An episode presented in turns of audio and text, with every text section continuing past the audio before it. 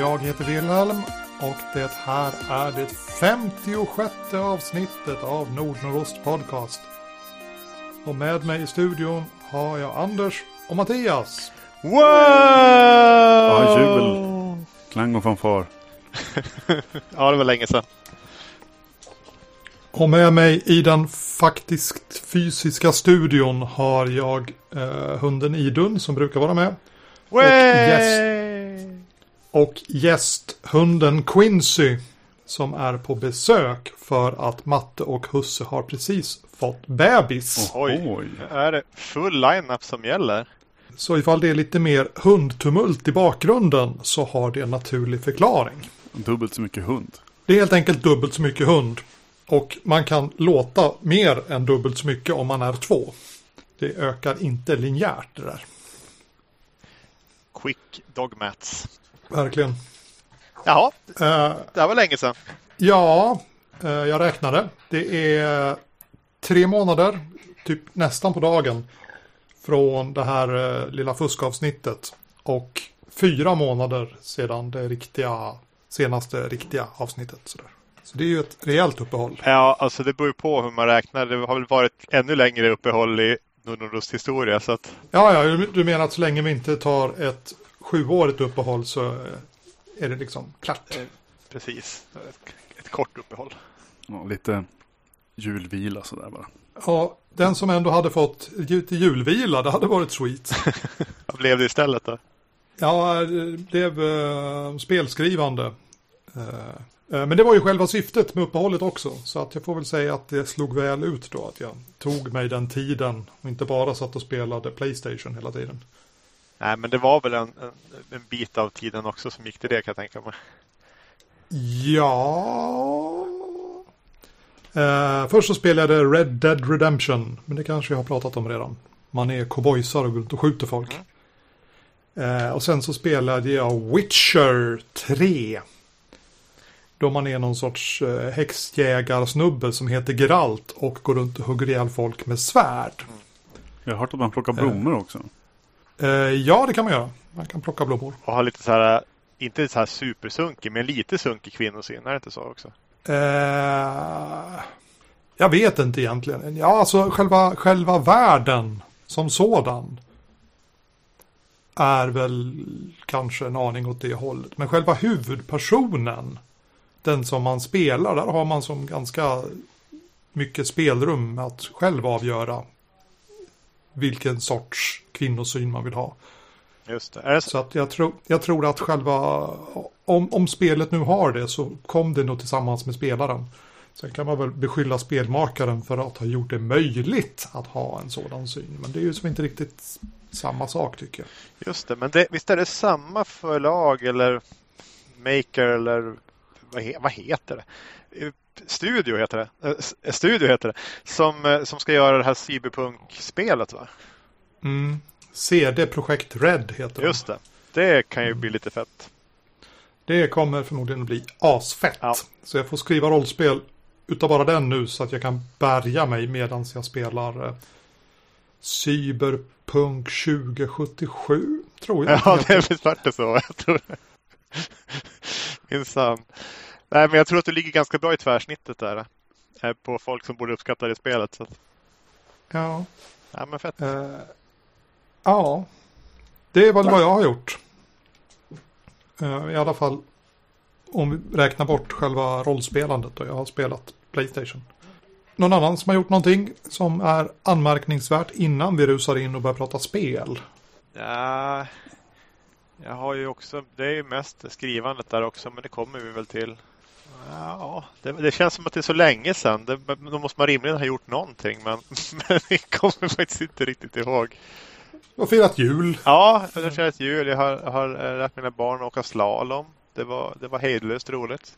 Eh, ja, men det, det har varit en bra, bra vinter. Jag bytte ju jobb här så att jag är på ett annat bibliotek nu än jag var på förut. Eh, inte specifikt barninriktat utan nu är allt möjligt hela tiden. Det betyder att istället för att vara en barnbibliotekarie med dålig koll på vuxenlitteratur så är jag nu en allmänbibliotekarie med dålig koll på vuxenlitteratur. Fast jag har faktiskt läst två vuxenböcker. Den här um, Flickan med gåvorna och Pojken på bron. Den här eh, brittiska eh, zombie-grejen liksom. De hänger lite ihop. Eller? Ja, det, det ena, det var det jag var jag helt oklar över från början. Men det, på bron är en prequel. Den utspelar sig tio år innan Flickan med gåvorna. Och, och när Flickan med gåvorna utspelar sig så är det ju 20 år efter kollapsen. Mm. Så att den är ju liksom halvvägs mellan utbrottet av det som har hänt och historien som utspelar sig i den först skrivna boken. Eh, Jag har pratat lite grann med vän och kollega eh, när jag har lagt upp bilder på Instagram att jag läst de här. Och hon har läst dem i om, tvärtom ordning. Hon läste prequel först och för, första boken sist så att säga. Och tyckte det funkade jättebra. Så att det, man behöver inte oroa sig någon mycket för vilken ordning man läser dem. Eh, sen har jag listat ut att man kan eventuellt lägga upp en, tre olika strategier, ungefär som en del eh, föreslår olika tittningsordningar på, på Star Wars eller någonting sånt där. Marvel. Eh, ja, eller Marvel-filmer och sånt där. Så att vill man ha den, den mest ödesmättade historien, då läser man bara Flickan med gåvorna. Och vill man ha en lite, lite hoppfullare historia, då läser man Flickan med gåvorna och Pojken på bron, men hoppar över epilogen. Okej. Och vill man ha det, det snällaste slutet, då läser man epilogen också.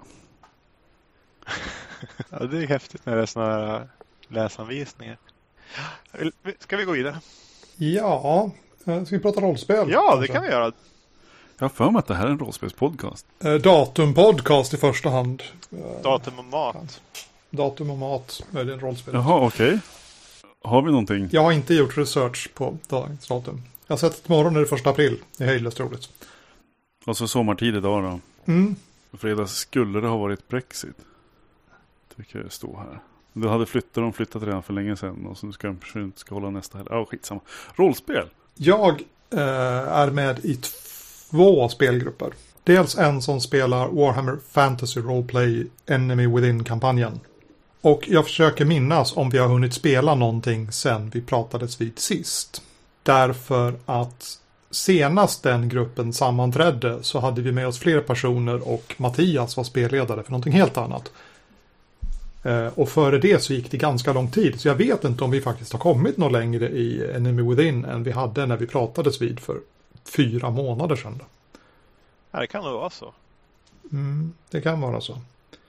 Eh, jag har spelat Until Dawn på internet. Ja.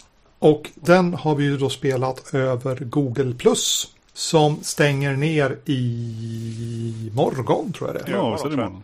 Är det inte andra? Ja, det kanske... Andra- ja, an- den- an- jag, tror det sista, jag tror det är sista dagen imorgon. Eh, den, den stängs då ner och vi har under efter moget övervägande bestämt oss då att kampanjen eller äventyret får dö tillsammans med Google+. Vi kommer inte att migrera och fortsätta spelet på någon annan plattform. Eh, så nu är den då slutish sådär. Ja. Så får vi se vad, vad, vad som händer härnäst. Men Anders, Ja. du har ju så mycket fler saker på din lista. Det ser jag här i våra noga förberedda anteckningar som Ja. låter oss prata så spontant. Ja, just. jo, men precis. Eh, gruppen som spelade Masks and Apocalypse World i fjol har börjat spela Burning Wheel. Alla som var med och spelade Apocalypse World ville inte spela Burning Wheel. Så att helt plötsligt har vi en utbrytargrupp, höll jag på att säga. Eller egentligen var det en som inte ville vara med. Han- Så han, han spelade Mouse Guard istället. Med en grupp som inte är exakt överlappande. Men det är några från Burning Wheel-gruppen. Liksom. Vad tycker du om Burning Wheel? Eh, Jag är ganska förtjust i Burning Wheel. Jag har spelat det lite grann i Umeå. Jag vet med mig att när vi körde det då, då var det vid spelmöte 5, vilket var det sista vi körde. Då kändes det verkligen att systemet hade kickat igång. Sådär.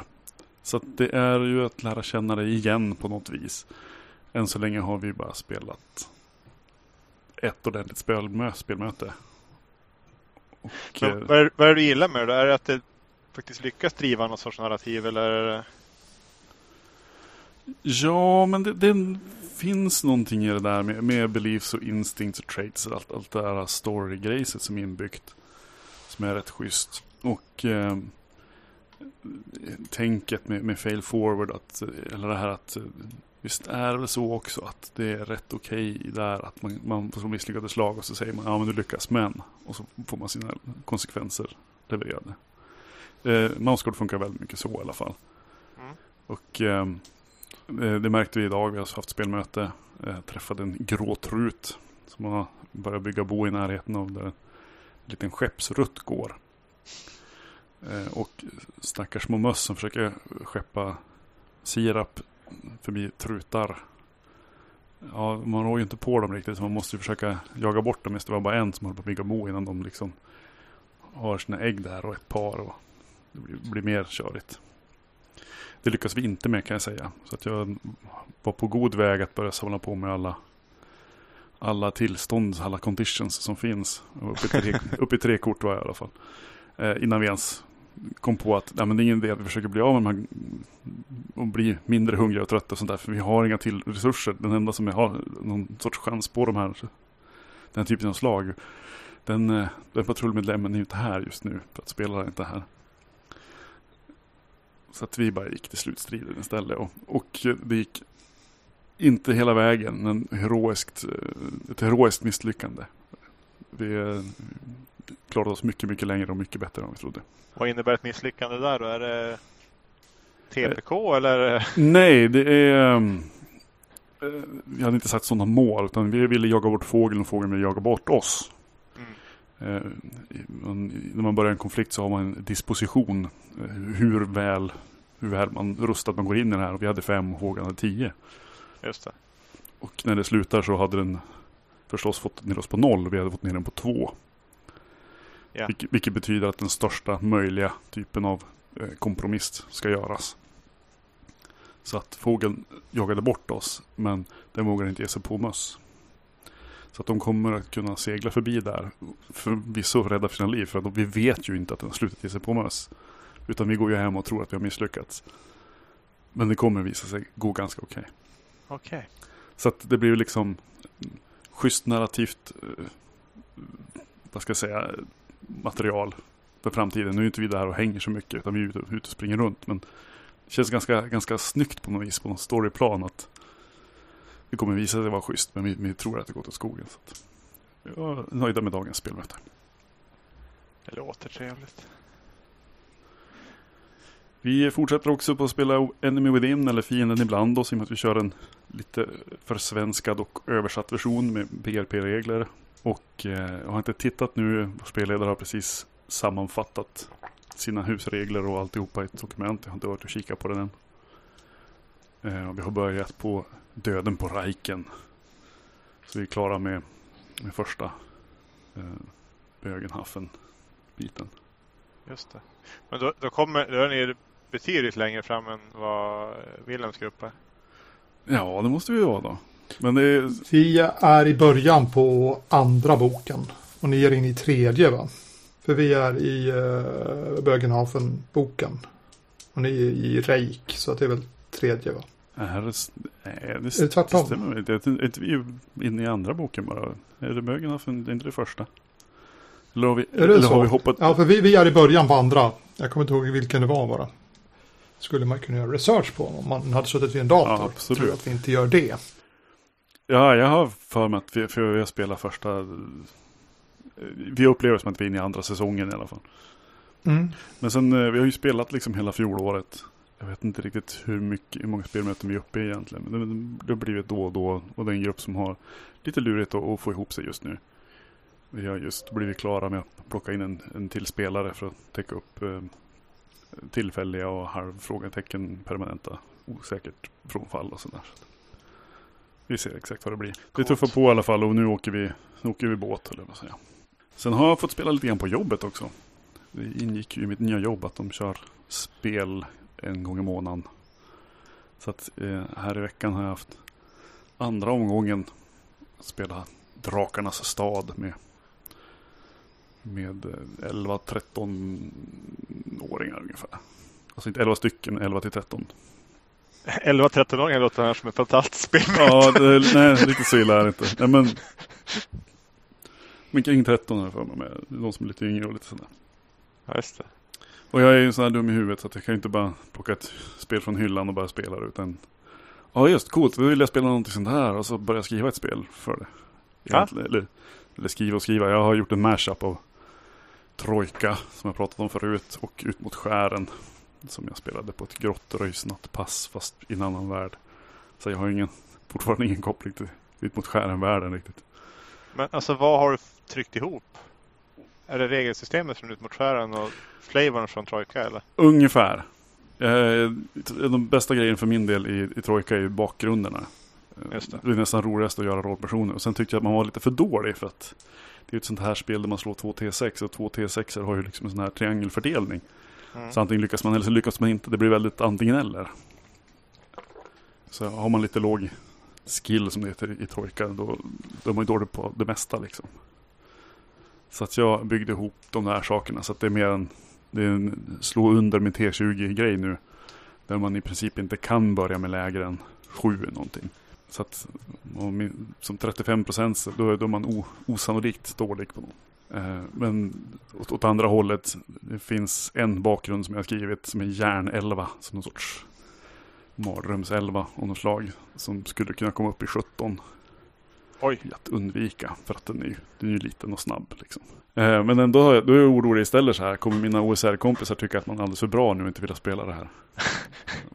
Men, är målsättningen att det är de som ska köra det då? Det verkar ju som att det är ganska välanpassat för, för ändamålet. Eller är det, hur har det funkat? Tycker, tycker de att det är för crunchigt eller är det liksom lagom? Nej, vi har ju inte använt så himla mycket regler. Det, det, det rör sig inte framåt så fort. Utan det, ehm, det har inte kommit tillsammans så att, så att de har en väldigt tydlig uppfattning av, av tid eller gemensamt utrymme. Vad ska jag säga. Utan, utan det blir lite att valla katter ibland. Så där.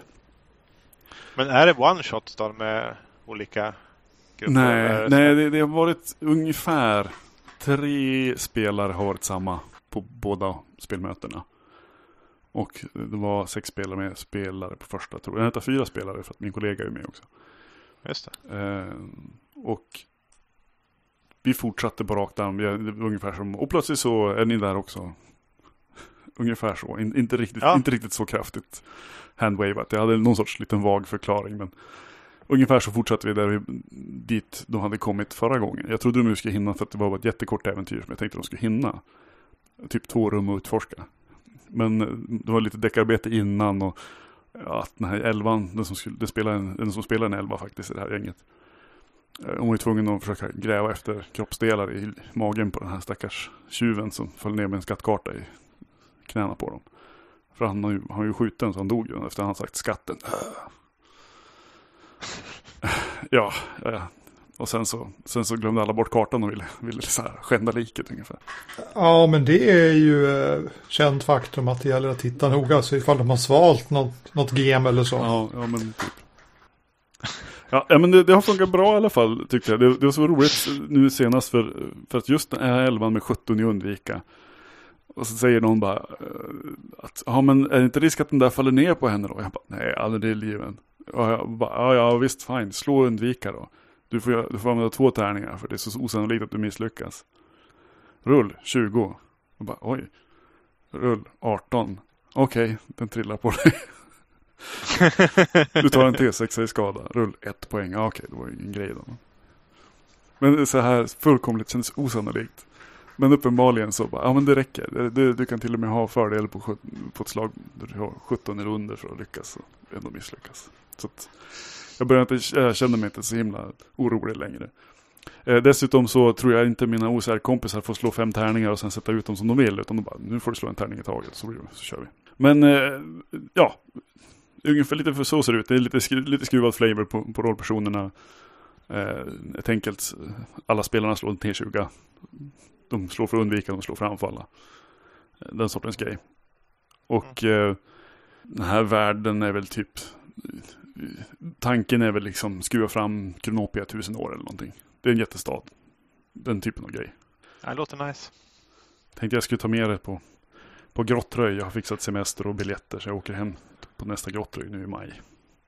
Okej. När, när är det? Det, det 11 maj är det. Så kan vi ses i Umeå. Vi som, har, Nice. vi som har lust så får dit. Det, det som är mest typiskt eh, tongivande för Drakarnas stad just nu är att okej, det bor typ tre jättestora drakar här. De ser man ju liksom när de sätter sig på torn någonstans. Det finns också ja. någon sorts tunnelbanesystem där man istället för att åka tåg så åker man på ryggen på jättestora skalbaggar. Så någon spänner fast någon sorts sittdyner på eller något. Ja, det låter ju väldigt nice. Är det, det här någonting du tänker publicera? Eller är det... Först hade jag nog inte tänkt det, men sen så visade det sig två saker. Dels att eh, Pelle som har skrivit Ut mot skären kan man ju faktiskt fråga och säga Du, jag vill använda saker från ditt spel. Okej, okay. du får använda hur mycket du vill från mitt spel. Säger han då. Det var ju jätteschysst. Och sen stod det i nya utgåvan av Trojka att eh, texten är min, men all mekanik får ni använda bäst ni vill. Okej. Okay.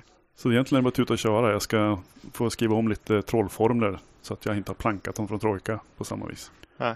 Eh, kanske norpa mitt gamla exemplar av Kronopia och titta på vad som finns där och sådär. Ad, vad heter det? Steal and uh, adapt. Make your own.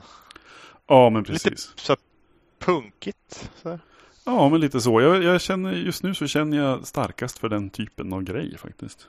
Ja. Det, det kommer så mycket uh, snajdigt och flådigt och uh, genom illustrerat, jag på att säga. Men det kommer många spel nu, känns det som, som har har fantasy skrivbordsbakgrund som tema på något vis. Och, och jag känner att det, det, klickar inte för mig. Nej, det känns, det känns lite gjort. Faktiskt. Jag sitter och följer en eh, Kickstarter. Ja. Som heter The Ultraviolet Grasslands.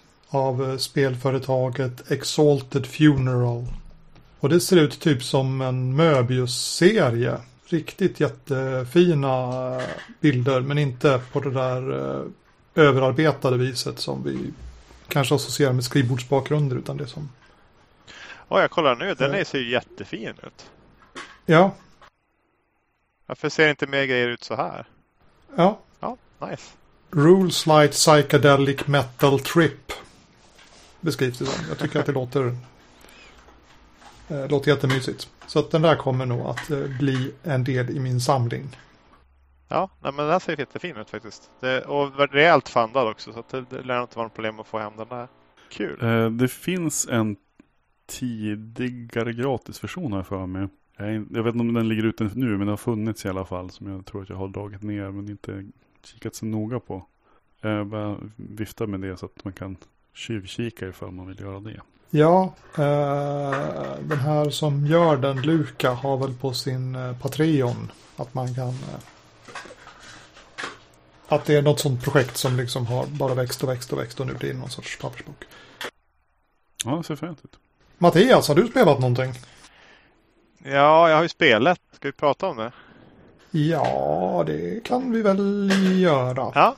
Eh, be behöver vi som spoilerflagga någonting här? Eller nej, det, bara... det behöver vi inte göra. Jag har, nej, oh, nej jag, jag har ju spelat eh, KUF. Jag är alltså, just nu så är jag nog den eh, både bäste och mest frekvente KUF-spelaren i världen, spelledaren i världen tror jag. Wow. Mm. Så att det känns ju bra. Eh, och jag är dessutom eh, en av få äventyrsförfattare till QF också. Det kanske, även där kanske är enda än så länge. Men det, det slumpades ju rätt bra att, att när Willem drog igång QF där så var jag lite sugen på att skriva ett scenario rätt snabbt där. Så att jag har ju faktiskt skrivit eh, det scenariot vi ska köra på Gotcon. Eller scenario. Vi funderar lite grann på vad det skulle vara för någonting. Jag har skrivit på, på omslaget har skrivit en plats att utforska till QF. Det är nog lite mera det är ju faktiskt ganska OSR-flavorat. Så det är inte så mycket scenario egentligen. Men det var det vi speltestade i alla fall. Med uh, Wilhelms ordinarie Warhammer-grupp. Jo, Just. typ. Det var roligt. Tyckte jag. Ja, det var skoj. Behöver inte spoila så mycket men, men eh, det, det var både roligt att skriva OSR men även att spelleda OSR. Om vi tar den biten. Det var, var egentligen första gången som jag har satt mig ner och tänkt att nu ska jag spelleda OSR. Jag har väl kanske spelat saker som har varit lite åt det hållet tidigare men jag har aldrig tänkt på det som, som OSR och det är väl en rätt bra bit bakåt också. Jag minns något tidigare avsnitt tror jag faktiskt har pratat om ett sådant scenario och sagt att det var det tråkigaste jag gjort. Eh, det var det inte den här gången. Eh, jag har väl mognat sedan dess och insett liksom att det här var, det här var rätt bra. Eh, eller också så spelade jag mitt eget scenario istället för någon skit från Wizards. Så det kan ju ha varit det också. Eh, men nej, det var riktigt spännande faktiskt. Det var kul att eh, ikläda sig den här, den här eh, oberoende domarrollen och faktiskt få en hel del eh, automatgenererat under tiden. Det, återigen utan att spoila, men slumptabellen är ju det huvudsättet som jag, eh, eller slumpmötestabellen ska jag säga, är väl huvudsättet jag använder för att tracka tid i, eh, inne i den här eh, dungeonen då, som heter Origenas. Eh, så jag vet ju inte exakt eh, i vilken ordning som saker och ting dyker upp eller ens om de dyker upp överhuvudtaget. Så det blir ganska spännande. Jag kan tänka mig att om vi spelar ledare på Gotcon så kommer det vara lite andra typer av pass där. Så det blir som istället för att göra som, jag tror, hur många gånger har du spelat uh, ett hjärta av stål, Willan? 15, 20 kanske. Ja, men det, men det är och det spelar, spelade väl antagligen lite olika varenda gång, men det är ändå som samma... Ja, det, det, det är en ganska hård räls genom. Ja. Sådär. Men man kan ju ha lite olika aktiviteter på vägen, men, men, men, men rälsen leder ju till samma destination varje gång på något. Ja, precis. Nej, då är det här lite mer öppet. Det finns ju ganska... Eh, finns, finns eh, en del slumpmöten som är ganska utarbetade egentligen. Men det är inte säkert att de dyker upp överhuvudtaget nästa gång. Eller vars de dyker upp. Så det blir ju det, är ju lite spännande. Bara få, få spelleda några gånger. Det tycker jag är ju en av, en av bitarna verkligen med OSR som, som fick mig taggad. Jag, när jag kom in mm. i OSR, det har jag berättat om förut i olika sammanhang, att, att jag kände mig ganska utbränd på spelleda. Var, det var inte så himla spännande längre liksom. Och just det att slumptabellen, oj nu händer det här och nu händer det här nu kommer det där där. Det, att, det blir som spännande för mig som spelledare. Och se vad det blir. Mm. Och dessutom blir det ju ett, ett, replay value, vad ska jag säga. Att det blir nya upplevelser varje gång du kör det. I olika grupper och sådär. För att alltså, saker och ting faller inte ut på precis samma vis. Nej, det var, det var faktiskt väldigt trevligt. Jag, jag är nog hooked. Jag tror att det här är nog min grej. Eh, nu åtminstone något år framöver här. Så det trodde jag inte när vi pratade om det för ett år sedan. Att det skulle bli den grejen. Men ja, man lär sig. Det var lite grann samma resa som du hade där. Tror jag. Fast du verkar ju som att du är lite mer tillbaka inne i eh, eller, nu spelar, verkar du spela så mycket överhuvudtaget så nu verkar du som spela alla genrer. ja, som. spela är ju en grej. Jag spelar ju ganska mycket och jag har ju att flörtat med traditionellt spelande alltså i flera år nu och jobbat mig tillbaka på något vis. Um, och det, det, finns ju någonting i mig som jag vet inte process som håller på här som, som är på väg någonstans men jag inte riktigt vet var. Jag har haft en, en sug efter att spela friform eller någonting kanske eller, eller så traditionellt att spela mer karaktärsgestaltande, vilket det har varit lite av. Att jag vill ha fått tillbaka någon sån bit. Men jag är ganska all over the place när det gäller vad jag kan tänka mig att spela, absolut. Sen håller jag på fortfarande väldigt lite med traditionellt spelledande. För att eh, jag kan tycka att, jag har inte liksom hittat gnistan för det och kan känna att det kostar på för mycket att förbereda. Jag har ju haft väldigt, väldigt små förberedelser kan jag säga till de här Drakarnas stadpassen. Jag har typ fyra, tre, tre stycken A5-lappar som jag har ritat lite karta på eller någonting sånt där. Det är superskissartat på så sätt. Men jag, men jag tänker att jag behöver faktiskt inte mer. De kommer inte att komma så mycket längre. Och det har ju visat sig att det stämmer. Ja men det är coolt. Jag tycker det är roligt när det blir lite blandat faktiskt. Att det blir lite olika varianter. Jag hittade faktiskt häromdagen så hittade jag ett, eh, ett frifondsscenario jag fått med mig från något konvent på mitten på 2000-talet som jag blev rätt sugen på att eh, sätta upp någon gång. Det Öppna ditt hjärta och den ljusnande framtid är vår av Johan Nilsson och Martin Svan. Eh, väldigt skojigt eh, friformsscenario där man, där man spelar eh, 11 scener eller 10 scener tror jag. Eh, men de är eh, inte i kronologi. Det finns en, en händelse i mitten och sen så, som, som man inte får prata om och sen så finns det saker som händer före eller efter. Väldigt skojigt. Eh, och ganska mycket intressanta tekniker där också. Jag kommer ihåg att det spelades väldigt bra då så det var rätt kul att få, få sätta upp det och testa det. Men det är otroligt olikt OSR-biten. Där är det ju, apropå räls, så är det ju väldigt rälsat. Sen är det ju naturligtvis så ska, ju, så ska du överleva mötet med spelarna men det är ju, det är ju är tio scener i en, i en för, för bestämd ordning. Så det är lite, lite annorlunda. Ja, det är klart det är det, men jag tänker det stora stora grejen är ju ändå att man eh, vet vad man går in i. Det, det är där jo. som är den stora grejen. Som jag, jag kan tänka mig vissa, spela vissa saker om jag i förväg har god information. Istället för att jag har en, i vissa fall en konventsfolder kanske, en konvent, någon sorts foldertext och tänker att det här kommer vara den typen av scenario, bara att de säger inte det. Jag får bara få känslan av att jag tror att det kommer vara någon sån där grej. Eller så fort det handlar om minnesförlustscenarion då brukar jag känna mig ganska off till exempel. Okay. Eh, lite, lite grann sådär. Personligen, och andra tycker det är världens bästa grej. Bara för några år sedan var det ett minnesförlust-scenario på Gothcon och en kompis som tyckte det var, typ var bästa på länge. Liksom. Så det är olika. Det, det är en väldigt specifik hang-up att ha. Liksom, så här, jag gillar inte minnesförlust-scenarion. liksom. Ja, men det, det, men det, det, det blir liksom en... Det är en grej. Vad är det du inte gillar? Det är en grej Vad är det på gillar, vis, tycker jag. Ja, jag, jag, jag. Då förväntar jag mig vissa saker av det. Jag förväntar mig inte att om de inte har lyckats eh, signalera att de har gjort en subversion på minnesförlust-tropen redan i foldertexten. Då tänker jag inte gå dit och prova ifall de har gjort det eller inte heller. Ja, okay. Så va? Ja, nej, men det, det, är bra. Man ska veta vad man gillar för någonting. Eller väl det, och vad man inte gillar, det är bra.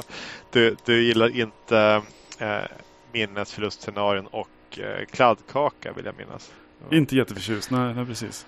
Nej, det är bra. Då har man koll och, på eh, vad man har. Jag, skulle, jag beskriver ju mysteriespel, liksom deckargåtor som min, min kryptonit. Sådär.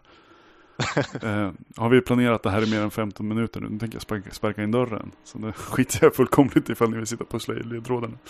Nej, nej, men helst så då, då vill jag ju opta ut istället. Om det är den typen av spel. Och gå och göra någonting annat.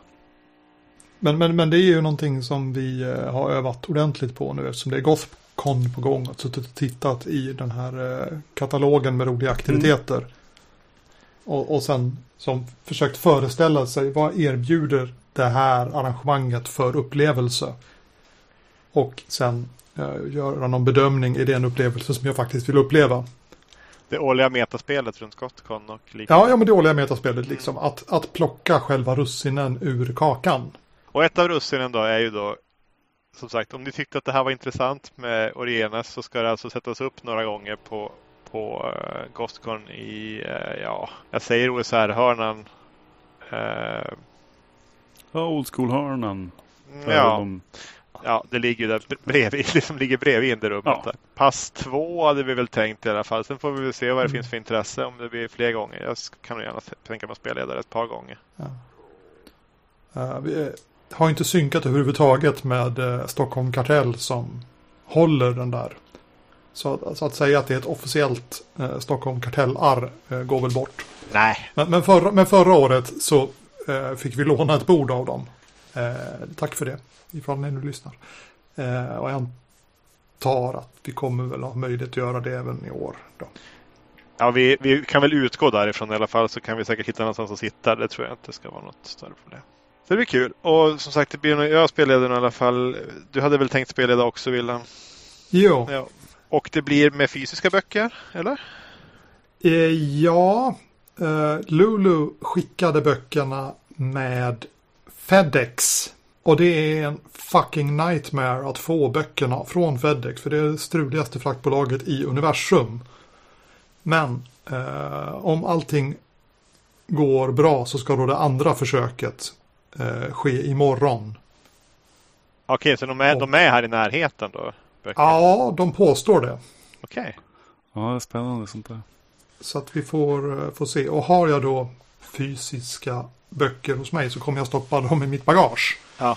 Och sen så hoppas vi då att eh, våra vänner på eh, SAS inte slarvar bort mitt bagage. Vet du, vi, kan, vi kan riskminimera. Jag har ju också bagage. Incheckat bagage. Ja. Så vi skulle kunna... Ska du ta, ta no, någon annans bagage i ditt bagage? Ja, men det vet väl inte de? Nej, nej, alltså, jag, nej. Jag, jag, de, de brukar avråda från Jag, jag har ju faktiskt läst böcker också så jag vet ju vad jag ger mig in på där och börjar fråga så ställa, ställa detaljerade frågor om innehållet. Har, vilket... har du packat den här väskan själv? vet du att den innehåller gnostiska skräckrollspel? ja, för att komma med här. Ja. Uh, så. Uh, så att jag har, uh, kommer att ha med mig lite kuff-böcker, några ex av förra årets spel, Cyber M77. lite Hydra, mm. några stycken av det och lite, lite annat smått och gott. Som jag ska sälja när jag får låna ett litet hörn på ett bord hos Titan Games och Megaton Games. Vad trevligt. Jag, tänk, jag tänkte dra med mig uh, Our Ship också. Nu vart det ju lite ändrade planer för mig där. Jag var ju lite i, i, i vid årsskiftet så funderade jag på om jag skulle kunna ha med mig en liten flådigare variant av det här. Det blir nog en, en, eh, halvflådig variant av det här skulle jag säga. Jag, jag, slängde in den tiden som det skulle tagit att producera en flådig variant in i Orienas och hela den här biten istället och en massa korr av KUF istället. Så jag tror det var rätt prioriterat men det innebär ju att den versionen jag har med mig är ju speltekniskt så är den säkert fantastisk men den, den kanske inte den här eh, Fryk... Polerad upplevelse. Ja, det är inte det här med färgtryck och Fryx Games nivå på liksom, grejerna kanske. Komponenterna och så. De är lite, kanske lite mer primitiva. Men eh, det börjar gå att spela. Det har vi faktiskt spelat, speltestat mer än KUF egentligen. Vi har ju speltestat det eh, två gånger va? Ja, ja och, och, en, och en förversion av någonting som inte riktigt var det, det heller. Så nej, det är nej. dubbelt så speltestat som KUF då kan man säga. Men eh, Gothcon, KUF, eh, pappersböcker hos Titan Games och Megaton Games. Och möjlighet att spela med eh, spelets skapare och äventyrets skapare. Eller, eller äventyrets skapare. Någonstans kring OSR eller Old School-hörnan in i rummet under fredagens pass 2. Ja. Och det dropp in där. Förra årets sånt här gerillaspelande. Det vart ju precis lagom med två spelgrupper där jag antar att det blir något sånt här också. Och sen kommer ju Orienes ut där efter skulle jag säga. Det, kommer, det blir väl i sen vår. Tidig sommar Mm. så kommer den att dyka upp på, på Drive-Thru och Lulu. Lulu. Mm. Mm. Det blir kul. Då är jag ju cykloriserad. Ooh. Det är du väl i Hydra redan? Ja, just det. Men, men det räknas kanske Det är inte. inte riktigt samma sak. Nej, Nej, nej, det är det inte. Fast jag har faktiskt, jag har faktiskt låtit bli att sätta mitt namn på, på omslaget än så länge. Vi får se om jag klarar av det hela vägen till, till tryck. Men äh, än så länge. Jag gillar det här lite grann när det, det, det, det blir nog, jag tvekar lite grann på om det ska bli någon illustration på omslaget också. Men det kan, jag tycker det kan vara lite trevligt med, jag tänker mig kanske en så här krämfärgad eh, ett omslag, Orienes eh, och så bara en plats att utforska till och så, så Q-floggan. Jag tror att det kan bli rätt cleant. Ja, det blir kul. Eh, Anders, vad ska du göra på Gothcon? Har du någonting du vill sådär eh, prata om? Eftersom jag, jag och Mattias har ägnat tio minuter åt att frossa i eh, reklam. Eh, jag tänkte väl också uppehålla mig kring inrummet OSR. eh, Old School-hörnan där. Ta med mig Follow som jag pratade om förut på podden. Och eh, antagligen dra med mig någon sorts kit till Drakarnas stad. Om man vill köra det. Mer som en, en taster sådär. Det är bland det roligaste är ju fortfarande att uh, välja en, en bakgrund att spela. För att man, alltså, ska man vara en odöd tjänare med en dammig uniform eller en juvelhjärna, det vill säga någon som bytte sin kötthjärna mot en juvel för typ 300 år sedan. Varpå allt kött har ju ruttnat bort men hjärnan finns ju kvar så nu har du hängt upp den i en rustning och glömt bort riktigt vem du är så att det är ju egentligen en fantasy-robot. Ja, lite sådana grejer. Ehm, och e- eftersom då att göra gubben är det roligaste så funkar det att spela lite kortare spelpass Ja, precis. Så jag kan tänka mig att jag kanske tar med mig någon sorts superkortis dungeon ungefär. Så man får känna ungefär hur det är. Och. Mm. jag tänker mig att det är lite grann så. Det är, det är schysst att spela också. Så att, Mm. Ja, nej, Q- Qfet är väl, typ, tar väl fyra timmar, fem göra någonting av. Jag tror att det fyller ett helt pass. Jag tror vi var lite snabbare än så, men det borde väl bli ungefär det. Det, det beror lite grann på hur många det var. Vi hade, hur många spelare hade vi? Det var ju fem spelare. Mm. Ja, så att det var ju ändå, jag jag tror vi var klara på typ tre och en halv, fyra. Så det beror lite grann på. Det är ju det, det är ju hur långt ett snöre liksom. OSR kan ju ta, det beror på när man är klar. När, när, man, ja, men Ja. ett, när man vill gå ut. när man är, när man är redo. Ja, när, när jag började grottkräla och lite ordentligare sådär. Då provtestade vi och spelade den här Redbox, alltså Mentzer-versionen och D&D för Mm. att eh, Terje och Mattias som höll på med svärd och svartkonst liksom ville känna på det här. Hur, hur är det? Hur funkar de här grejerna i praktiken nu då? Innan, innan de liksom bestämde sig hur de skulle vara i sitt spel. Och eh, första spelmötena, ja men åtta rum klarade vi liksom. Vi klarade åtta rum på ett spelmöte.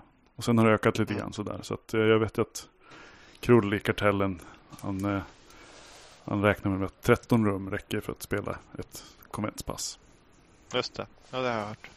Och 13, det är ju lite av en mystiskt laddad siffra, inte så? Ja, jag tror det ligger någonstans där kring faktiskt. Kan vara lite mer i Origenes. Så det, ja, det låter som ett, det är som ett pass ungefär ska jag tro. Ja, ja. Vi hade ett litet halvönskat ämne faktiskt. Jag vet inte om ni minns det, men det var ju en litet, jag ska inte säga upprop eller någonting i, i eh, och vi tror, frågade om vad, vad folk ville se för någonting. Eh, och då var det ju, jag tror det var Ludvig som skrev någonting om att eh, OSR och eh, vad man kan ta med sig från den spelstilen till andra spel. Och det låter ju inte så här helt orimligt att, att prata om det nu när vi precis har skrivit liksom OSR-spel och OSR-scenario.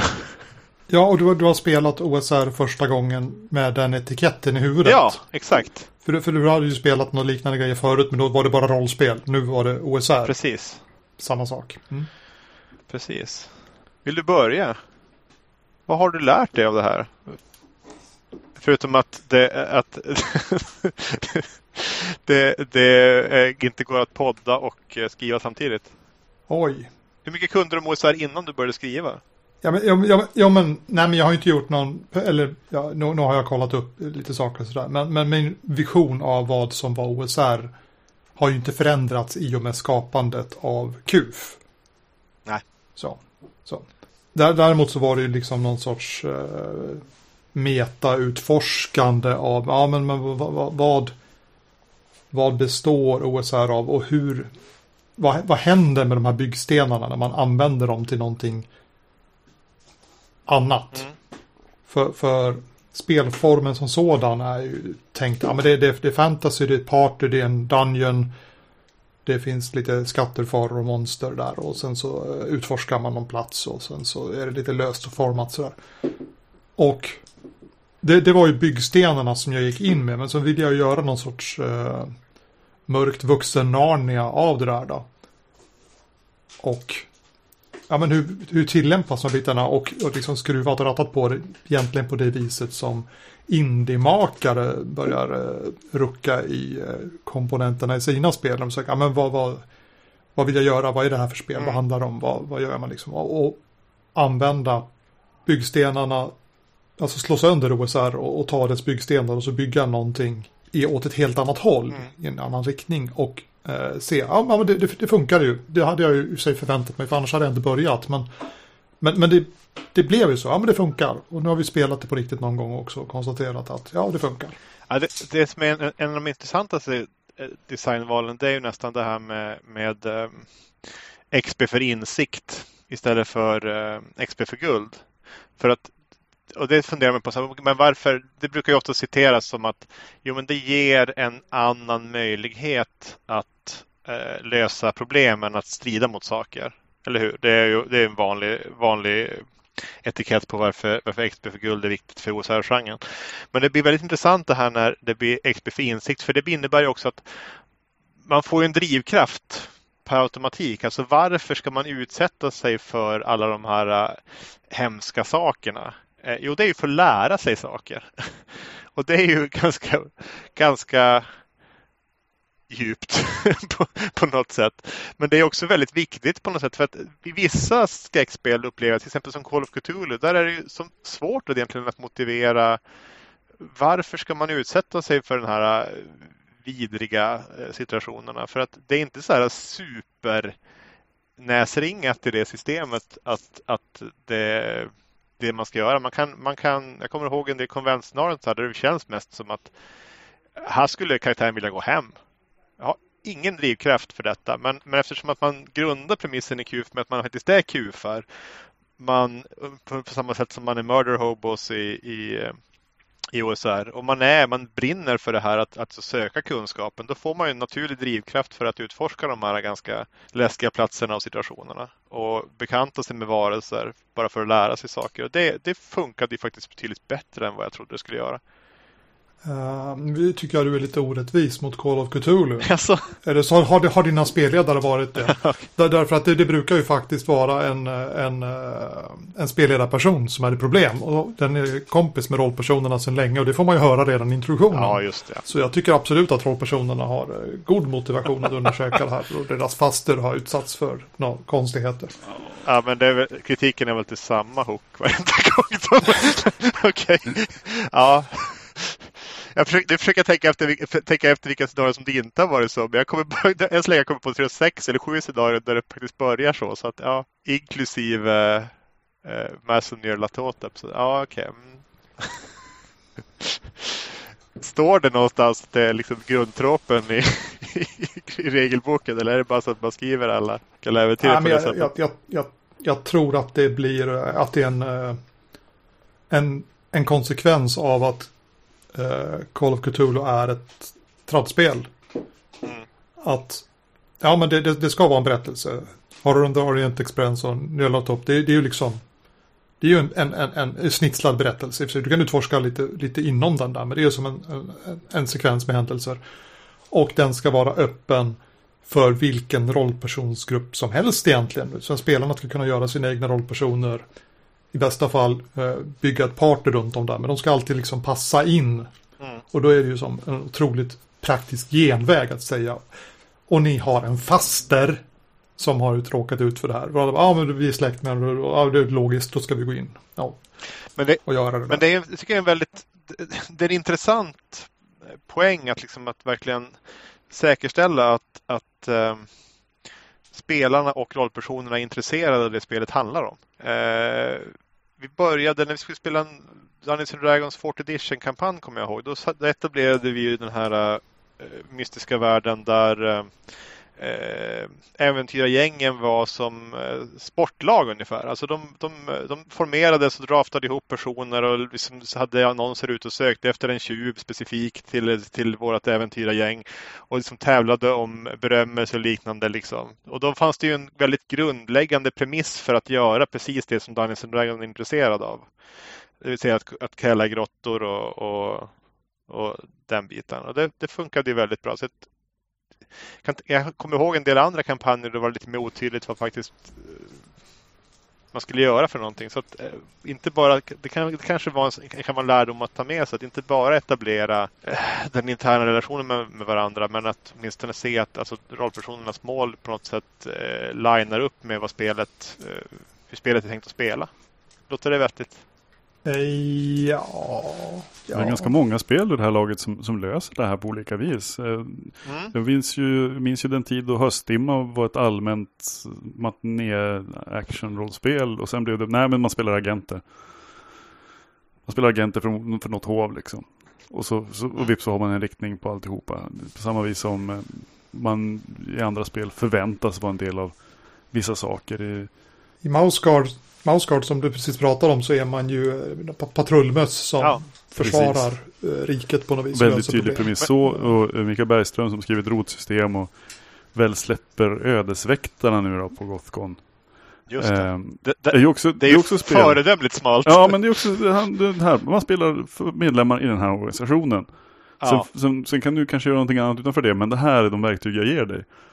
Och, det är den typen av rollperson som vi förväntar oss här, för att det är den typen av äventyr som spelet är skrivet för att spela.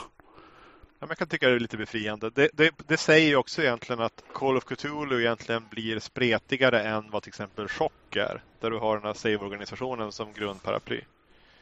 Ja, När det gäller just att spela skräck. Mm. Jo, nej, men det, det tycker jag, det, det ger en, i alla fall ett driv i, i tycker jag i KUF också. Att det är eh, den här sökan efter insikten som faktiskt är, är på något sätt poängen med spelet. Man kan nästan alltid motivera sina, sin rollpersons handlande genom att ja, men jag ville ha XP. Det vill säga insikt. Jag, le, jag letar efter svar. Det gör ju, det blir ju någon sorts, då driver man ju på mot, mot, mot ett actionfyllt spelande också. Där man faktiskt tar risker eh, och vågar uppleva saker. Och det är väl en bra premiss, inte bara i rollspel men i livet i stort, att man vågar för att uppleva lite grann. Ja, det låter fränt. Ja, jag, tyckte, jag tyckte den biten funkade eh, klockrent faktiskt. En annan sak som jag blev lite överraskad över det var hur pass positivt inställd jag blev till slumpmötestabeller och liknande slumptabeller. Alltså jag har inte, inte haft jättemycket exponering av OSR tidigare. Eh, så att när vi pratade om det sist, kanske för ett år sedan eller så, så då, när vi pratade bland annat om det här med slumpmötestabellen och overland travel och de här bitarna. Eh, jag har alltid känt att de har varit lite pajiga i, tidigare när jag försökt använda dem i, i tradd. Men nu föll någon, någon sorts polett ner när jag har liksom en så extremt överanvänd eh, slumpmötestabell nu i Orienes eh, som faktiskt driver det mesta av handlingen. Och det är ju egentligen för att se till att det blir någon sorts tempo i spelet. Men den, den, ni kan ta hur lång tid på er som helst. Men den enda valutan som finns där nere egentligen är tid. Och tiden resulterar i fler slag på slumpmötestabellen. Så att då började liksom mekanikerna klaffa ihop för mig. Att jag, ja, men det här är faktiskt riktigt schysst. Det är inte bara ett slumpslag där man får något sånt här halvointressant möte på vägen till det mötet man egentligen är på. Utan nej, det är det här, faktiskt, det, är det här som händer. Det här är liksom huvudattraktionen. Och där finns det, det finns ju ett eh, av de här slumpmötena på den här tabellen som är extremt överarbetat. Som är nästan, om man skulle nu finnas en story i det så är det nästan halva storyn är i det mötet. Men det är inte säkert att det dyker upp ens en gång. Så det hade, det hade jag då varit lite allergisk mot när, om jag hade skrivit det tidigare och skrivit det mer som ett normalt scenario. Då hade jag nog placerat ut det där någonstans. Men nu kan det inträffa. Det är sannolikt att det inträffar någon gång antagligen beroende på hur lång tid spelarna tar på sig. Men, men det är inte säkert var det är och hur, exakt hur det blir. Det är dessutom ett reaktionstabellslag där också så det kan ju vara ett väldigt annorlunda möte beroende på hur, hur eh, eh de personerna är inställda till till spelarna. Då. Så det blir eh, det blir spännande att se hur det funkar sen i, i andra spelgrupper också. Så att jag har fått bort lite grann av min aversion för, för slumpmötestabeller. Sen har jag ju förstått att slumptabeller och tabeller överlag är ju som en OSR-trop utan dess like. Det är liksom kompendie efter kompendie över, över tabeller för att generera innehåll. Så det, Absolut. Det, det tycker jag är coolt. Jag är ganska förtjust i de där tabellerna för att de är ett så väldigt effektivt sätt att överföra information. Precis. Eh, alltså både arbetsinsatsmässigt, om, om man då ska ta någon, någon, någon godtycklig slumpmötestabell sådär med, med tio möten. Och så, då kan man skriva, ja, eh, en T6 rövare. Sådär, ja. Eller så kan man ju då skriva fyra sidor om just den här specifika rö rövarklanen och, och deras eh, egenskaper och personlig historik på alla personer och, så och ge det som ett göra det rikare på något vis. Sådär. Mer, mer attraktivt, mer detaljer. Men det blir ju också jobbigare att läsa in. Mm. Och det blir mer specifikt. Och eftersom det är mer specifikt kan det vara svårare att få det att passa in på, på rollpersonerna. Men, men för en helt vanlig äventyrargrupp så här, en T6 eh, rövare. Eller en ovanlig äventyrargrupp. Ja, vår äventyrargrupp är alla rövare och så kommer det en T6 rövare till. Okej, okay, men det säger ju något, det anpassar sig lättare till, ja till spelgruppen att vara på det otroligt platseffektiva, lätta sättet liksom. Eh, så jag är helt frälst på dessa slumptabeller. Det märkte jag när jag skrev Cyber M77 som är helt drunk, drunknar i slumptabeller. Ja. Att jag kunde förmedla otroligt mycket spelvärd väldigt snabbt och det är väldigt enkelt för spelledaren att bara kolla igenom slumptabellen och bara få massor, massor med information istället för att behöva dels skriva 20 sidor om det här konceptet och, och sen får, får det liksom gjort och pappersboken blir tjockare och besvärligare och sen så ska någon annan läsa de där 20 sidorna. Och det är ju roligt att läsa många sidor text. Man får valuta för pengarna när man köper spelet. Men det är ju inte effektivt. Jag tycker att det tar tid. Och det är tyvärr en av de sakerna att vi upplever att jag har minst av nu för tiden när jag är en sån här vuxen ansvarstagande samhällsmedborgare. Och det är fantastiskt pedagogiskt för instudierna. Sen är det ju också att du kan ju ta ditt rövare. Du kan ha allt ifrån en T6 rövare till som du säger, e- ett specifikt möte. Men sen kan du ju ha en massa rövartabeller där du kan slå fram allt möjligt runt de här, äh, den här rövar... Du kan ju egentligen ha, generera en på plats där också om du skulle vilja. Och det är ju samma sak där. Då får du ju all den infon i eh, eh för stunden där. Du behöver bara läsa in det på den, den biten men det är ändå en rik variansmöjlighet där egentligen. Och mm. Sen är det ju så, det är lite mot OSRets principer skulle man kunna säga kanske i vissa mån. Men, men, men en tabell behöver man ju inte nödvändigtvis slå på heller. Det är ju naturligtvis också bara en lista över där du skulle faktiskt kunna välja ifall du vill, vill förgenerera någonting innan och så. Så det är ingenting som säger att du måste slå på det. Men det, det... Replik på det Anders? Oj, oj, oj. oj. Jag vet, det är lite där. no, nej, nej, nej, men i någon mån så, så, så, så håller jag med att såklart du kan göra så. Men det, man släpper ju lite grann på den här naturalismen. Om man tänker att, tänker att vi har slumptabellen för att vi, vi ska gestalta den oberäkneliga världen som ligger bortanför vår kontroll på något vis.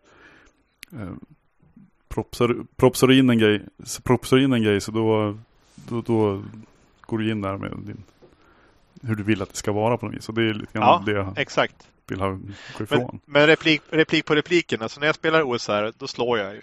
För då vill jag ju bli överraskad. Mm. Men jag tänker mig att, nu, så, nu var vi inne på det här också, men vad kan man ta med sig till andra ja, spel? Absolut. Om man får en, tar man ett OSR-kompendium och tar, kör det i tradd. Det finns ju ingenting som säger att du inte kan gå in och bara plocka saker från de listorna och få, få otroligt mycket uppslag. Men fortfarande kunna liksom custombygga ditt. Det här, det här blir det absolut bästa att trycka in i mitt scenario. Och jag kan använda de här listorna för inspiration. Och slår jag på det så kan det hända att det blir någonting som jag tycker är, kanske inte är så superfrämst. Ja, Visst är det så. Så det, så det är mera kanske att, att kunna, men däremot just i OSR-biten så här är det ju så mycket med att dels det oberoende domaren så att man inte medvetet eller omedvetet styr handlingen utan att faktiskt låter tärningarna rulla dit de vill och blir överraskad själv. Och så här. Det, är som, det var ju tjusningen nu när jag spelade.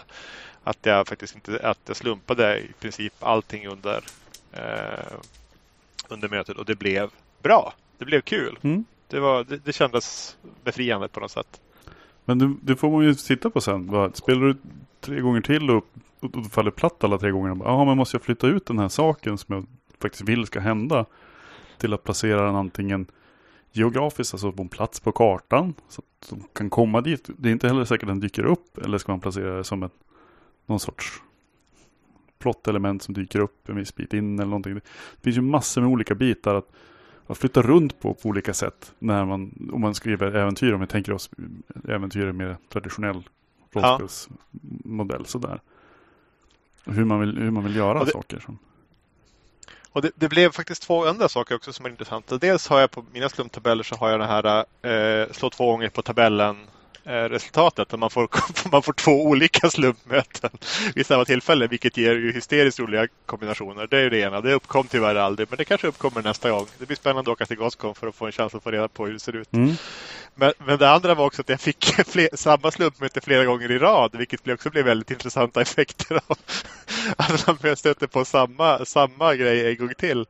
Eh, det, var, det var inte heller någonting som jag tror att jag hade skrivit in om det hade varit eh, tradd, men det som blev funkade otroligt bra faktiskt i, eh, i de här fallen. Så det var Aha. också en sak som jag inte heller föreställde. Intressant. För, ja, för det, ja, det är lätt hänt att man, för det beroende på hur den här slumptabellen ser ut, för jag spelar vi mer klassiskt Dungeons Dragons grej om man rullar fram en T3 vargar tre gånger. Det är inte ja. särskilt spännande nödvändigtvis.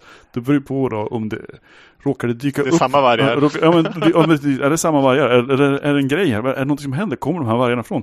Är det något som spånar vargar här? Liksom? Ja, Hoppar precis. de in från en jävla portal eller någonting? Det beror på. Händer någonting? Kommer det dyka upp ett frö som folk eh, hugger på på något vis? Att det förmerar sig, att det, det växer ut och blir, blir någonting som man inte trodde att det skulle vara. Ja. Så det, det, beror inte på. Eh, jag har funderat ibland sådär på att ha slumpmätestabeller där helt enkelt har, har kolumner. Liksom. Första gången händer det här, andra gången händer det här, tredje gången händer det här för att du slår samma sak. Där, man kan ha dem lite progressiva. Liksom. Då har jag kanske först tänkt det här som en del i någon sorts kampanjspelande. Eh, där jag har tänkt med element som, eh, som kan dyka upp eftersom. Men det här måste ha hänt för att det här ska vara aktuellt.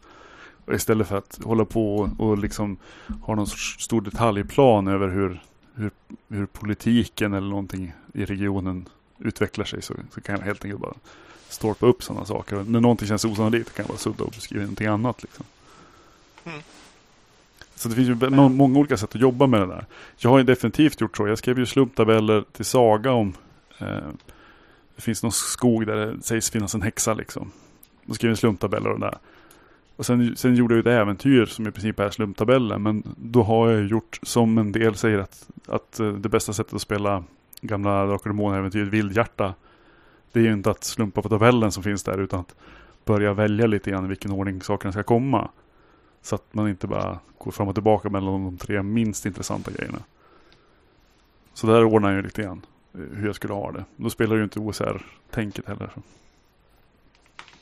Nej. Och där är det också ganska Eh, i, i den Highstone-skogen, den tabellen som jag skrev om med häxan där. Så är det ju, och vissa saker är ju bara att du kommer stöta på en ruin, andra saker är ju ganska specifika. Att du är, det är en namngiven person och, och, som, som relaterar till något annat på, på listan och så vidare. och så vidare. Och så det finns ju jättemycket man kan göra, inte bara med att säga, bara man lägger på ett enda ord på att man träffar på en T6 rövare. Är, är det en T6 vilsna rövare? Mm. De, de vill inte vara här. Det vet vi redan från början. Liksom. Då blir det... Ja, men det gör ju också, det här med reaktionslaget gör ju faktiskt det också, att du får en automatisk modifier om du använder det. Alltså du kommer träffa på rövare, men, men hur, hur ställer de sig till, är de på, rövar, är de på rövarhumör eller är de... Jag är jätteglad Vill de att bara se snacka dig. lite grann? Ja, precis. Åh, vet ni hur Det man kommer? Hur kom ni hit? Vet ni hur man kommer härifrån? Ja, visst. exakt. Ja, det, det, det, var, det var intressant faktiskt. Ja, verkligen. Hade du några funderingar på det där Wilhelm? På eh, Story Games, som då är sådär hippieforum, där, där har ju ganska många nu gått över och börjat spela OSR. Men, men för några år sedan så pratades det någonting om det som the emergent play. Alltså att det dök upp saker i, i faktiskt spel som inte var förberedda och inte var skrivna. Utan att nå, någonting uppstår, någonting mer än det som bara var i orden. Och jag tycker att de här, eh, det sättet att approacha slumptabellerna är ett tydligt tecken på det där. Att det står bara en T6 rövare i slumptabellen. Men, men, men när man slår det där så uppstår någonting. Det växer ut någonting ur det där slaget och, och det blir en berättelse. Eh, rent, rent allmänt så de här äventyrarpartyna som vi brukar se när vi å- träffar, åker på Grottröj eller på, på konvent. Det är ju som helt separata individer utan någon sorts koppling egentligen. De, ja, ni, ni är fem personer i ett rum, ni förenas i en, en lust efter guld. Varsågod, agera. Men, men då med hjälp av det här emergenta spelsättet så, så blir, blir det en story jämfört med de utmaningar som tradspelledaren då har. Att försöka förbereda alla de coola sakerna i förväg. Mm, ja, det kan ju bli jätteintressanta stories i OSR-spel. Men man vet ju inte vad det blir. Nej, nej precis. Och den, den, den fanns inte där från Mm. början. Utan den, den, den uppstod när man spelade jämfört med trad, tradspelet. Om, om vi tittar lite strängt på det då, så är det ju spelledaren har förberett någonting. Och visar upp det för spelarna genom deras rollpersoners ögon. Eh, och, och det för med sig helt andra utmaningar både för spelare och spelledare. Jag ska inte göra en värdering om vad som är bättre och sämre där. Men det är liksom ett helt annat sätt att spela. Och Eh, då om man börjar gräva i den här tråkiga byken med det eviga kriget mellan hippiegamers och OSR-are som kanske framförallt är en amerikansk grej ändå, så, så, så kallas ju då hippiespelarna, eller inte hippies, men folk som inte spelar OSR för lata. Eh, för att de, de har tar liksom den här snitslade banan genom sina äventyr istället för att faktiskt eh, frossa i det här att saker uppstår under spelet och, och bygga på det liksom gemensamt i gruppen i spelögonblicket. Ja. Men, men det är ju lite grann av en, en chimär också att det faktiskt ser ut så. Jag menar om man tittar på tradd så är många eh, bitar av det som faktiskt blir beständigt efter kampanjen är ju sådana här sidospår, eh, replikskiften, eh, spelledarpersoner som tar eh, mycket större plats än det var tänkt att de skulle göra och så vidare. Så det är ju lite hejdlöst roligt när krigaren fumlade sitt slag. Precis. Ja, men alltså det, det kommer det kom ju ändå, även i trad så är det ju det är massa emergent play ändå. Liksom, så att det, det är ju eh, i, i bra trad i alla fall. Ja, jo, jo, jo, Minnesvärd men, trad. men, men, men där eh, är den inte målet utan det är någonting som egentligen när det går fel Ja, exakt. så, så, så blir det emergent play och, och, och det är det vi tycker, kommer ihåg sen efteråt och tycker var så himla bra. Liksom. Jä- jäm- Jämfört med OSR som då skalar bort det och säger ja men vi går in med, med ganska tunn och lätt handling och sen så får det växa fram och det är det som är idén och tanken med det hela. Jo, nej, det, där, där kommer det kanske lite mer av en slump än, än att det är faktiskt själva grejen som det är mer osär. Visst är det så. Men det, att, det, att det inte uppkommer, det är ju... Det känns som Nej, nej, men, men vi går inte in med, vi går inte in med det som, som plan. Nej, exakt. Och om man då försöker renodla så finns det väl ingen grupp som kan säga men vi är renodlat enbart den här spelstilen. Utan folk brukar ju driva lite grann fram och tillbaka Ja. sådär, under spel. Jag måste säga det att jag tycker det är jättekonstigt med det här med att det här är någon sorts OSR indiekrig. För att jag, fattar inte vad... Jag har, bara, jag har ju bara inbillat mig att de flesta av mina kompisar spelar båda de här grejerna. Och det kanske inte är riktigt så tydligt så som jag hade trott. Eh, Men, men jag har ju då liksom fötterna väldigt tydligt i de två lägren. Så det, det blir jättekonstigt när de, när de pratar om att det brukar vara krig där. Men jag bara, fattar inte vad grejen är. Det är bara jag. Nej, det, det är som en helt annan kultur här i Sverige. Jag tycker inte att jag upplever att den finns bland, bland svenska spelare på, på det viset. som Jag hänger på en del eh, amerikanska forum och grupper. Och, och där gäller det att ha tungan i rätt mun för att eh, visar det sig att, att någon sympatiserar med den andra spelstilen då är de ju sämre som människor betraktat. Eh, och det tycker jag kanske är lite tråkigt. Men, men alltså egentligen så borde förbrödra att, att båda spelstilarna, om man kan kalla det så, eh, är, samlas ju under varsin etikett och redan där så är, man ganska tydlig med vad man vill göra, alla de som, som är med i det, det Ja. passet så att säga.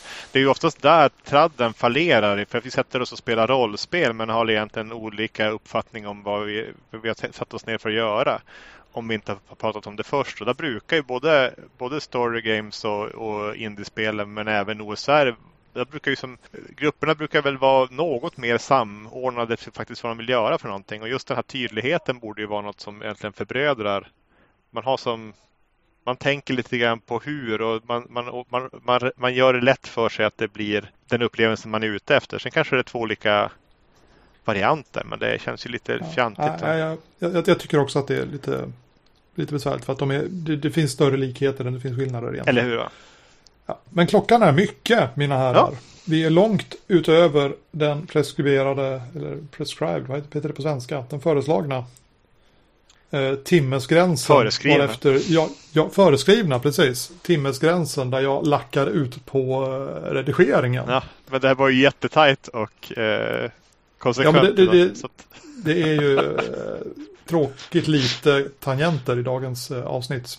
Eh, vi ska Vi kanske, vi kanske, det enda som måste, kanske måste hända det är att vi blir lite snabbare på att yxa av vad vi har spelat för någonting. Fast nu, nu har vi Ja. samlat på oss fyra månaders spel också. Ja. Har ni nu något inom er som ni vill få med i detta avsnitt innan eh, vi klipper? Mattias? nej, jag vill eh, se fram emot Gotcon. Eh, och eh, ni kommer att eh, känna igen oss. Vi kommer... Eh, vi, det, det, om, du, om, du, om du letar efter oss i eh, OSR-hörnan kommer du att hitta oss. Kan säga så. Om vi är där. Ja, om vi är där tycker jag det blir väldigt svårt. Det är, ni är ett slumpmöte. Eh, det är faktiskt, jag ska faktiskt vara på ett av passen så ska jag ju spela Blod och pussel med eh, Robert Jonsson och lite andra poddar också. Så jag ska faktiskt representera Nordnorost. Ska du I- spela på- med på actual play-poddare? ja, det är ju Det är min- lite grann, eh, katt bland hermeliner. Farliga röst här. Ja, jag vet inte riktigt. Jag har ju försökt nu att, i, i samband med det här också att värma upp lite mer för, för actual play här. Det, det går väl eh, det går väl sådär. Men jag tror att, det, jag tror att eh, upplevelsen i sig eh, jag gillar att spela rollspel med, med andra kommer nog vara väldigt njutbart. Sen om det kommer att gå att lyssna på eller inte, det tar jag inget ansvar för. Det är Roberts problem. Ja, kämpa på. Heja heja, det blir kul. Det blir kul. Anders? Har du någonting mer du vill skicka till våra Ah, lyssnare? Oj, oj, oj, oj, oj. Och vad ska jag säga då för någonting? Jag ska säga att, att eh, en av rollpersonerna i Drakarnas stad är Baston, en odöd tjänare som först var tjänare hela sitt liv och sedan gjordes till tjänare efter, även efter sitt liv i sin odöd. Han har en eh, damminguniform och en tebricka. Och i strid mot metallgamen så frågar han mig kan jag använda min bricka som en sköld? Jag vill skydda mina vänner. Det var fett. Det var lite Coldummer och Calzipper varning på den. Det var alltså, och det är high praise, ska vi säga. Ja, jag, jag är inte riktigt bekant. Så jag, jag, jag nickar här på min sida för att det är bra radio. Ja. och, så, och så får jag göra research efteråt. Ah, barnföräldrarna förstod det där. Eh, vi går vidare. På, eh, på, eh, vad heter det, på Mattias eh, tråd med Actual Play där. Så finns det en grupp på Facebook för folk som lyssnar på Actual Play. Eh, och som Sveriges första Actual Play-poddare så måste jag ju hänga där då. Men det, det, var en hjärtevärmande tråd där nu under helgen. Då det var en, en kille som kom och frågade ifall det inte finns någon podd som inte är så polerad utan man får höra folk som spelar på riktigt liksom. Eh, och det, då, då Bult slog hjärtat några extra slag och det hade ju varit roligt. Men då så, kära lyssnare. Eh, vi får se ifall vi hinner höras igen före Gothcon. Det tror jag inte. Men nästa avsnitt så kanske ni får höra hur vi hade det på Gothcon. Och ifall ni springer på oss under konventet får ni ju gärna säga hej. Ja, absolut. Ja, det hade varit väldigt trevligt. Jag såg att det var, att det var pub i år också. Så att kanske träffa någon där också. Ja, och så klippt. Tack.